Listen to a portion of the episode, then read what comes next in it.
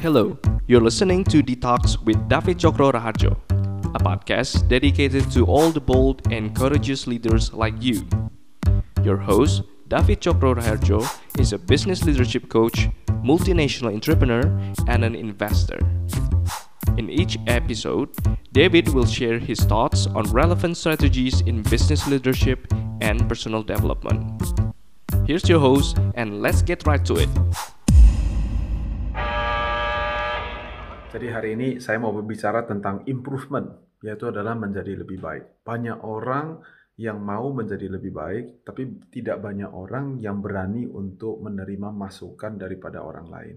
Dan karena dia tidak menerima masukan daripada orang lain, banyak orang yang hanya menyimpan apa yang dia bisa lakukan hanya di secara privat, right? When you have this, itu namanya adalah you have your private secret. Dan kalau kamu hidupin kehidupan kamu secara secret, maka tidak ada orang yang mengetahui sebetulnya kamu jagoannya apa. And here's the danger with us kalau kita adalah kamu adalah profesional atau you are businessman atau kamu adalah seorang pemimpin. If you are doing it in the private, gak ada orang yang melihat, maka kamu tidak bisa berkontribusi di dalam kehidupan orang lain. Right? Of course, kita tidak mau menjadi seorang pemimpin atau seorang manusia yang kerjaannya adalah pameran, yang sukanya sok-sokan, you know, jagoan and all those self things. Of course, that's not the purpose. Tetapi it remains a fact bahwa adalah kalau kalian tidak berani untuk showcase uh, kekuatan kalian atau kebaikan kalian kepada orang lain, maka gak ada orang lain yang bisa mengetahui sebetulnya kamu jagonya apa. Dan karena kamu tidak tahu, uh, orang lain tidak tahu kamu jagonya apa, maka itu tidak menjadi sebuah public secret. Oke, nah ini bahasa yang saya selalu pakai. Jadi public secret adalah tempat di mana saya tahu, David tahu bahwa kekuatan saya sumamanya adalah simplifying complex ideas, dan orang-orang di sekitar saya juga tahu bahwa David ini adalah jagoannya untuk simplifying complex ideas. Dan it become a public secret. Di tempat public secret ini, di situlah terletak sebuah kepercayaan, trust. Dan karena kepercayaan, makanya kemudian kita diberikan tanggung jawab, diberikan sebuah trust untuk bisa melakukan aktivitas itu. Kenapa? Karena saya tahu dan semua orang di sekitar saya juga tahu. Alright, so there are three things that I want to tell you about how to improve yourself. Okay? yang pertama namanya adalah evaluasi. The word evaluation itu maksudnya adalah ada beberapa hal yang mau diukur dan kemudian kalau diukurkan maka kamu akan mendapatkan bahwa nilai kamu berapa either 80% atau nilainya adalah B atau nilainya adalah 5 eh, dari 10 atau kalau itu adalah nilai rata-rata adalah 3,5 dari 4,0 atau whatever it may be right jadi evaluasi itu sifatnya adalah sebuah assessment Oke, okay? kalau dulu uh, kalau kalian pernah sekolah di luar negeri sebagai contohnya, ya kan ada ujian namanya TOEFL atau SAT. Nah, di TOEFL dan SAT itu sudah memiliki bagian-bagiannya, apa saja yang mau diuji. Dan untuk setiap yang kamu bisa menjawab, kamu akan diberikan uh, sebuah nilai. Nilai nah, dari nilai itu uh, totalnya mendapatkan nilai berapa. Nilai inilah yang kemudian menentukan apakah kamu layak untuk masuk ke sekolah tertentu atau tidak mencukupi untuk masuk kepada sekolah tertentu. So that is what we call evaluation. Jadi evaluasi itu jangan dianggap sebagai suatu adalah contoh. Semuanya uh, uh, saya uh, pernah mengikuti kelas namanya CS 101, Introduction to Computer Science. Saya ikut tiga kali dan tiga-tiga kalinya saya dapatnya F atau fail kayak begitu. So saya tidak pernah merasa bahwa saya adalah seorang kegagalan karena all I did adalah saya evaluating myself right? Dari situlah kemudian saya mengerti bahwa adalah oke okay, saya ini tidak bisa jadi seorang coder karena introduction to computer science saja fail tiga kali. So you see evaluation itu penting sekali. Right, ini sama seperti kalau kamu uh, rasa badan kamu kurang enak badan, and then, tapi kamu nggak mau periksa darah. So what you did is that you say you don't want to evaluate your health, right? Dan pada saat kita tidak mau untuk mengevaluasi kesehatan kita, apa hasilnya? Hasilnya ya kita nggak tahu kolesterolnya ketinggian atau semuanya masih oke-oke aja. Kamu nggak tahu saya mau punya tekanan darah tinggi atau tidak punya tekanan darah tinggi. And so on and so on. Now, let's bring it closer to home. For every work that you do, for every activity that you do, semua kegiatan kalian itu ada alat ukurnya. Alright? Ada alat ukurnya dan oleh karena itu belajarlah untuk mau dievaluasi bahkan mau untuk mengevaluasi diri kita sendiri. Jadi satu dievaluasi karena orang lain melakukan, satu lagi adalah mengevaluasi karena datangnya dari diri saya sendiri. So ini adalah sesuatu yang penting sekali, right? So here's the questions for reflection for you. Kalau kamu mau improve, apa yang sedang kamu ukur? Bagaimana cara kamu mengukurnya? I hope you have an answer for that one. Nah setelah dievaluasi, ada lagi nih, namanya adalah di judging, oke, okay? dihakimi. Ya, nah banyak orang yang nggak suka dihakimi. Kenapa namanya juga dihakimi gitu ya? Kalau dihakimi artinya, contoh kalau kamu pergi ke pengadilan, ada judge-nya, ada hakimnya. Berarti hakim will stack you against all the evidence yang ada di dalam ruangan itu. Dengan bukti-bukti yang ada, dia akan menyatakan bersalah atau tidak bersalah. Betul ya? Nah, kalau kita lagi ujian, kita ada namanya guru. Guru itu adalah seorang judge. Pada saat dia memberikan kepada kita PR atau dia memberikan kepada kita sebuah ujian, dia akan memberikan sebuah nilai dan memberitahukan kamu ini lulus atau tidak lulus. Jadi berbeda sedikit dengan evaluasi. Karena evaluasi sifatnya itu hanya sekedar assessment. Tapi dalam kehidupan kita, kita harus dihakimi oleh orang lain atau dalam hal ini adalah kamu dikompetisikan dengan orang lain. Sebagai contohnya, kalau penyanyi-penyanyi yang handal, penyanyi-penyanyi yang handal kalau kita bayangkan, mereka berlomba untuk ada di billboard. Jadi kalau tidak ada di dalam billboard, barulah dia mengetahui bahwa adalah saya jago, tapi belum jago-jago banget. Dan oleh karena itu, di season berikutnya atau di album berikutnya, dia mencoba untuk menjadi lebih baik lagi dan lebih baik lagi. And that's where improvement is all about, right? Uh, di dalam setiap pertandingan olahraga, ada yang menang dan ada yang kalah. Nah, itu berarti apa? Ada judge-nya. Nah, kalau judge itu berarti ada apa? Berarti ada aturan main. Just think about it for one second. Baik itu di dunia art, maupun di dunia bisnis, maupun di dunia olahraga, hukum, uh, politik atau apa pun, ada hukum yang berlaku. Hukum itulah yang menentukan kamu berhasil atau tidak berhasil. Nah, saya bertemu dengan beberapa orang yang punya kebiasaan tidak suka dihakimi. Atau kalau dia dilawankan dengan standar ukuran tertentu, dia mengatakan bahwa adalah itu standar ukuran yang tidak berlaku untuk organisasi saya. But you can do that, right? You have to be judged, right? Sebagai contohnya kalau di dalam industri tertentu ada namanya ISO 9000 atau kalau kalian ada di restoran, ada namanya sertifikat halal. Nah, itu semuanya adalah bentuk judgment, alright? Atau dari BPOM sebagai contohnya. Itu adalah surat yang dikeluarkan untuk memberikan sebuah keputusan bahwa kamu telah dihakimi, kamu telah dijudge dan dinyatakan lulus.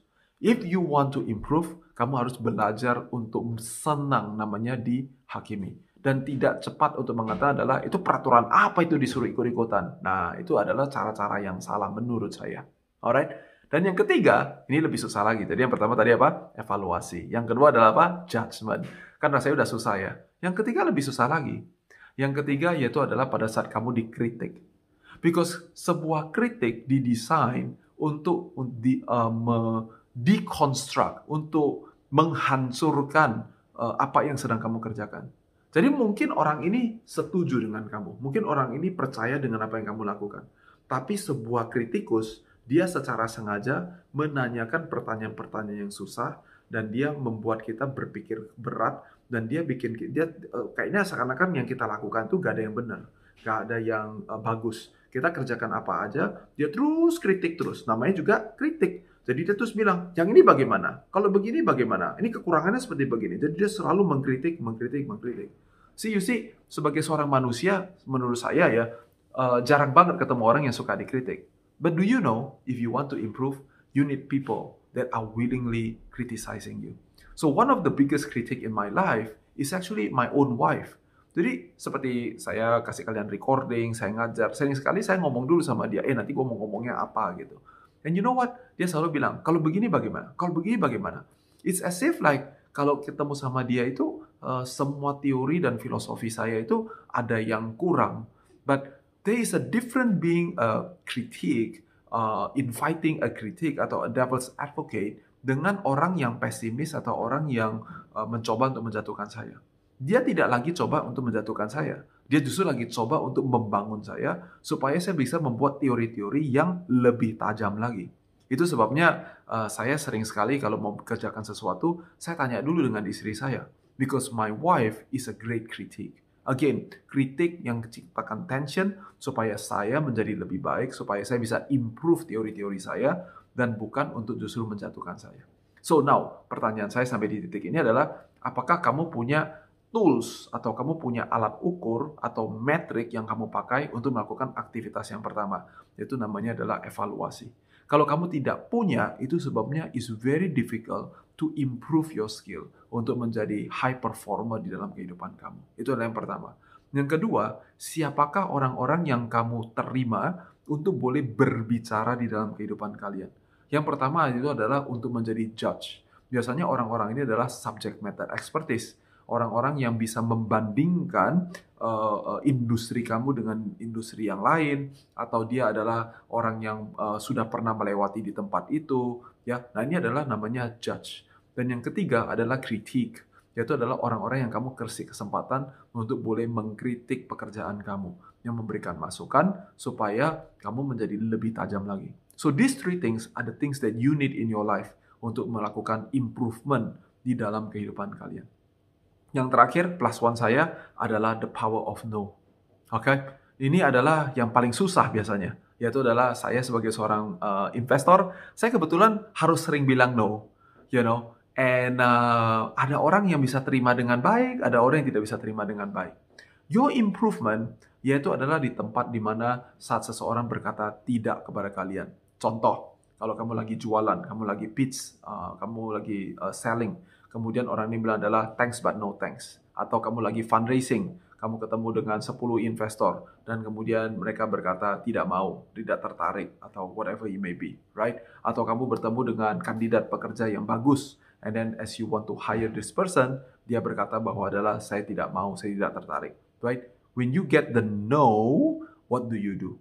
Nah, no ini respon kita kepada kata no itu sangat menentukan orang yang tidak dewasa, orang yang tidak bisa berkembang adalah orang yang tidak bisa handle no. Kalau dia bilang no, semuanya dia anggap adalah uh, orang itu yang selalu salah atau you know itu karena tadi situasinya begini. There's always an excuse for that. Tapi orang yang bisa bertumbuh, yang bisa improve, biasanya adalah orang-orang yang tahu bagaimana untuk handle tidak.